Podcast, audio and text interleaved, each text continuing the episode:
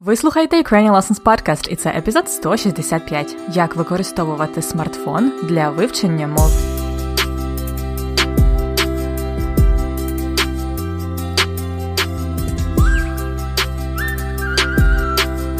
Привіт, це Анна Огойко і п'ятий сезон подкасту Уроки української. Подкасту для всіх, хто вивчає і любить українську мову. Сьогодні такий гарний осінній день. А ви любите осінь? Якщо ви слухали весь подкаст Ukrainian Lessons, то ви, мабуть, знаєте, що я дуже люблю осінь. Це моя улюблена пора року. Єдина проблемка в тому, що восени часто йде дощ, і не дуже хочеться виходити з дому, правда? Але, на мою думку, це якраз ідеальна пора, щоб вивчати і покращувати іноземні мови. Тому наступного тижня я починаю курс е, шведської мови. Це буде дистанційний курс, е, спеціально призначений для педагогів, тобто для тих, хто має освіту викладача. Має бути цікаво. Побачимо. А сьогодні я б хотіла вам трошки розказати про те, як можна вивчати іноземну мову, не виходячи з дому. Бо в часи пандемії, так, зараз 2020 рік, це може бути насправді єдиний спосіб е, вчитися.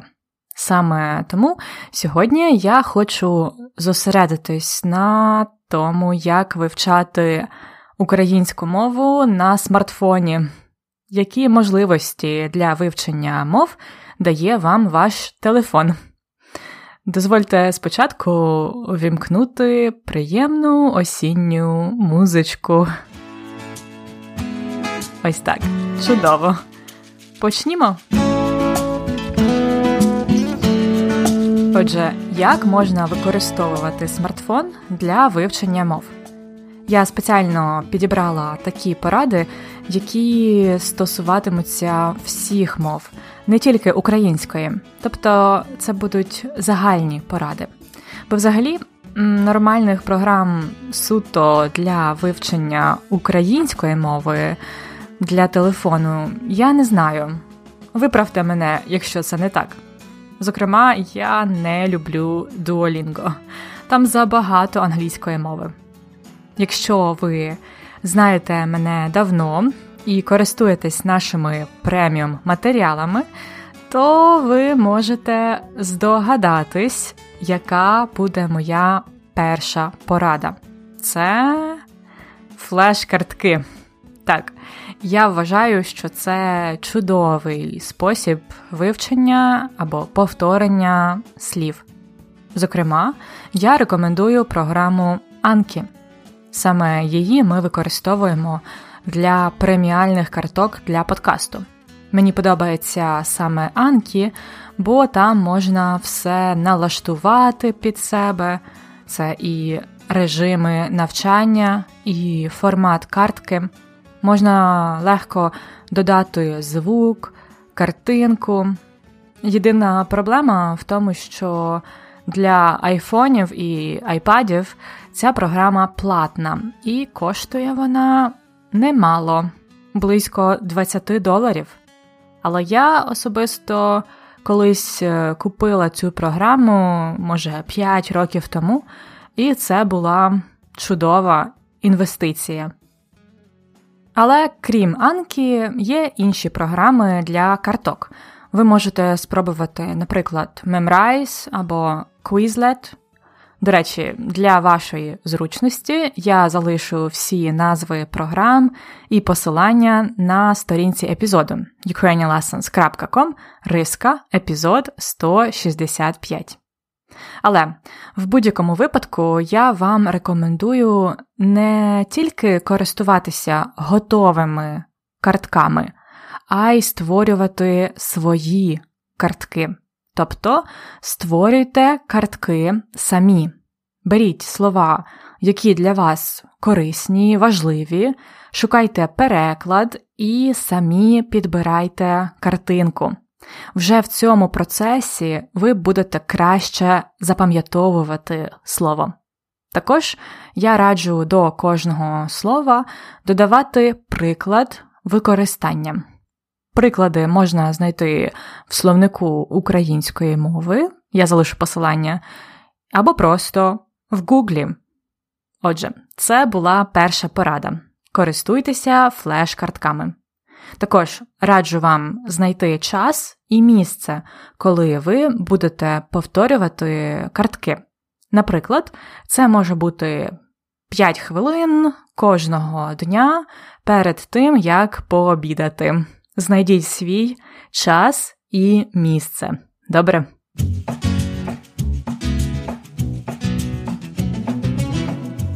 А наступна порада більш практична. Поміняйте мову на телефоні, на ту мову, яку ви вивчаєте, наприклад, на українську мову. Так, тобто всі ваші меню, команди, наприклад, копіювати, вставити, все це буде українською мовою. Спочатку може бути трохи складно зорієнтуватися, але якщо ви добре знаєте свій телефон, то знайдете все, що треба. Таким чином, з часом ви повністю запам'ятаєте всі слова та граматичні форми, які є у вашій системі на телефоні. Ще одна порада схожа, але ще цікавіша. Я зараз спробую це робити зі шведською мовою. Створюйте списки справ мовою, яку ви вивчаєте, наприклад, українською. Можливо, ви вже користуєтесь програмами для списків справ. Списки справ це англійською to-do lists. То, якщо ви вже користуєтесь програмами для списків справ, е, супер. Просто візьміть і перекладіть списки справ і нагадування, тобто reminders. Перекладіть їх на мову, яку ви вивчаєте, наприклад, українську мову. Ви можете використовувати безкоштовні програми спеціально для списків справ, наприклад, Todoist – це безкоштовна програма. Можна також брати просто нотатки на телефоні. А я останнім часом користуюсь е, дуже класною програмою, яка називається Things. Я переклала свої списки справ у цій програмі на шведську мову. І це мої списки покупок також і регулярні справи. І тепер щодня я бачу багато шведської мови. Найкраще те, що це дуже релевантні для мене слова та фрази. Наприклад, час від часу я бачу завдання полий рослини в офісі шведською мовою або приготуй гранолу. Це мої регулярні справи, які я виконую часто. І тепер я точно знаю, як це сказати шведською мовою. Далі, крім того, щоб змінити мову, ви можете спробувати голосовий набір тексту. Тобто виберіть українську мову, коли набираєте текст, і замість того, щоб писати, натисніть на такий маленький мікрофончик і говоріть, що ви хочете написати. Так, ви можете перевірити свою вимову і побачите, чи розпізнає ваш телефон ваші слова.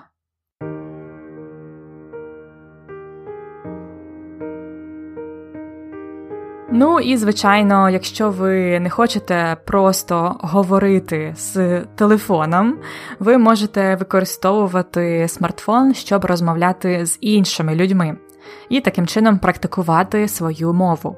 Я вже рекомендувала колись сайт iTalki, там ви можете знайти мовних партнерів і час від часу з ними балакати.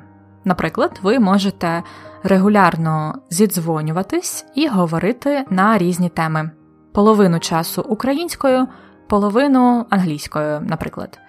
І так ви допомагаєте одне одному. Програма називається iTalki. Там можна знайти не тільки мовного партнера, а й недорогого репетитора чи просто людину, яка буде вам з вами розмовляти українською мовою за невелику плату. Крім iTalki, є ще програма Tandem. Ця програма зручна, бо там можна шукати людей недалеко від вас. Наприклад, якщо ви живете в Україні, це зручно. А також можна прямо там, в тій програмі, обмінюватись повідомленнями. Отже, це тандем. І остання порада, можливо, для найбільш просунутих. Запишіться на онлайн-курс на якусь цікаву тему, але курс мовою, яку ви вивчаєте. Наприклад, такі курси є на платформі Coursera, але українською мовою я вам рекомендую пошукати курси на платформі Prometheus. Там є багато курсів українською мовою, часто від українських викладачів. І майже всі курси там безкоштовні. Ви можете вибрати собі будь-яку тему. Це можуть бути курси для бізнесу, саморозвитку, навіть курси про спорт. У них е, є зручний додаток для смартфона Prometheus. Я залишу всі посилання на сайті. А це була моя остання порада. Якщо узагальнити, ось ще раз, як можна використовувати смартфон для вивчення мов.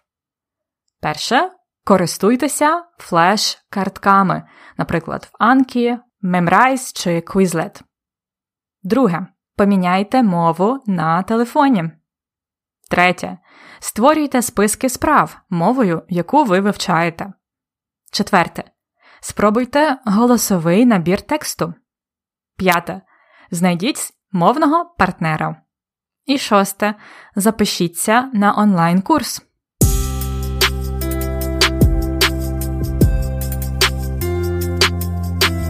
Десять корисних речень. У цій рубриці ми розглядаємо 10 речень, які я сказала, і детально їх аналізуємо. Перше речення я сказала, коли говорила, що не знаю нормальних програм для вивчення української мови. Виправте мене, якщо це не так. Виправте мене, якщо це не так. Тобто скажіть мені, що це неправда, якщо я помиляюся. Виправляти можна помилки. Це не так, тобто це неправда. Так може багато чого означати, так? А тут це таким чином, таким способом. Виправте мене, якщо це не так. Далі я говорила, що раджу використовувати програми для флеш-карток. Я сказала, зокрема, я рекомендую програму Anki. Зокрема, означає серед інших. Тобто є різні програми. Серед різних програм я рекомендую програму Anki. Ще один приклад: е, можна по різному вивчати мову. Зокрема, можна поміняти мову на телефоні. Повторіть ще раз речення. Зокрема, я рекомендую програму Anki. Але з програмою Anki є проблема на айфонах. Коштує вона немало, близько 20 доларів. Коштує вона немало, тобто багато. Тут я хочу наголосити на тому, що це досить висока ціна. Близько 20 доларів. Запам'ятайте, що слово близько вживаємо з родовим відмінком близько 5 гривень, близько 10 учнів. Зараз у нас на подкасті є близько 160 епізодів. Отже, ще раз, коштує вона немало, близько 20 доларів. Але далі я додала це була чудова інвестиція. Якщо ви вклали в щось гроші, і це для вас окупилося, тобто коштувало тих грошей, ви задоволені, це означає, що це була чудова або хороша інвестиція. Повторіть, це була чудова інвестиція. Наступне речення. Створюйте картки самі. Самі, тобто самостійно. Тут я вживаю форму множини, тому що я звертаюся до вас у множині. Створюйте картки самі. Якби я говорила до чоловіка, я б сказала створюй картки сам, а до жінки створюй картки сама, сам, сама, саме, самі. Це своїми силами самостійно. Ви самі вивчаєте українську мову чи з репетитором? Ви можете відповісти: Я сам вивчаю українську або Я сама вивчаю українську. А речення у нас було Створюйте картки самі. Далі, коли ви поміняєте мову на телефоні, спочатку може бути трохи складно зорієнтуватися. Спочатку може бути трохи складно зорієнтуватися. Зорієнтуватися. Таке довге дієслово означає зорієнтувати себе, розібратися, де що знаходиться. Зорієнтуватися. Повторіть повне речення.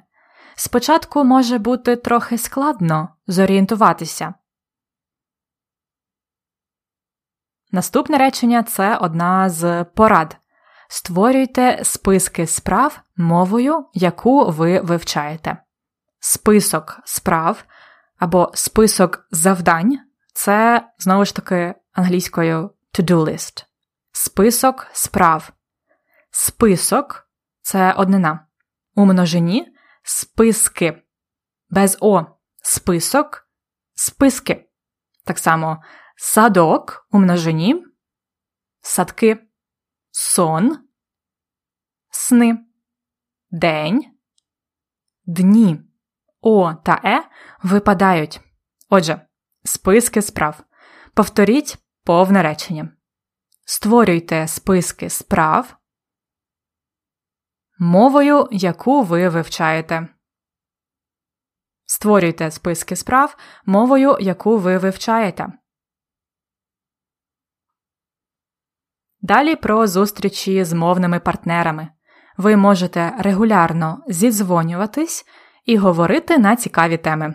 Зідзвонюватись це корисне дієслово, яке стосується і звичайних дзвінків, і відеодзвінків. Ви можете зідзвонюватись, тобто телефонувати одне одному, дзвонити одне одному. Ви можете регулярно зідзвонюватись і говорити на цікаві теми. Ми говоримо українською говорити на теми, тоді як англійською буде to discuss topics, things. Говорити на теми українською або розмовляти на теми. Повторіть. Ви можете регулярно зідзвонюватись і говорити на цікаві теми. Ви можете регулярно зідзвонюватись і говорити на цікаві теми. Наступне речення так, ви допомагаєте одне одному. Знову ж таки, так, тобто у такий спосіб ви допомагаєте одне одному. Одне одному, тому що тут ми говоримо не до чоловіків і не до жінок, а загалом можуть бути і чоловіки, і жінки одне одному. Якщо про чоловіків тільки буде один одному, про жінок одна одній, а загалом про всіх людей одне одному. Повторіть. Так ви допомагаєте одне одному. І останнє речення сьогодні про Прометеус онлайн-курси. У них є зручний додаток для смартфона. Додаток для смартфона. Коли ми говоримо про програми на вашому смартфоні, ми часто називаємо їх додатки. Також випадає О. Додаток, додатки. Для комп'ютера це програми. А також є ще одне слово для браузера. Наприклад, е, коли в браузері є такі маленькі програмки, ми їх називаємо розширення. Розширення. Отже, повторіть, у них є зручний додаток для смартфона. У мене все на сьогодні. Наступного разу не пропустіть епізод, бо я планую розповісти вам про цікаві слова та фрази, які ми використовуємо в інтернеті. Тобто це буде дуже насичений на слова урок. А також, якщо ви ще цього не зробили, оформіть преміум підписку на п'ятий сезон, щоб отримувати конспекти уроків. Конспекти містять повний текст всього, що я кажу на подкасті, переклад складних слів, списки корисних речень і вправи для практики. Усі деталі про преміум підписку, а також усі посилання на програми, які я сьогодні згадувала, ви знайдете на сторінці епізоду ukrainianlessons.com episode 165. Бажаю вам чудового осіннього чи не осіннього дня. На все добре!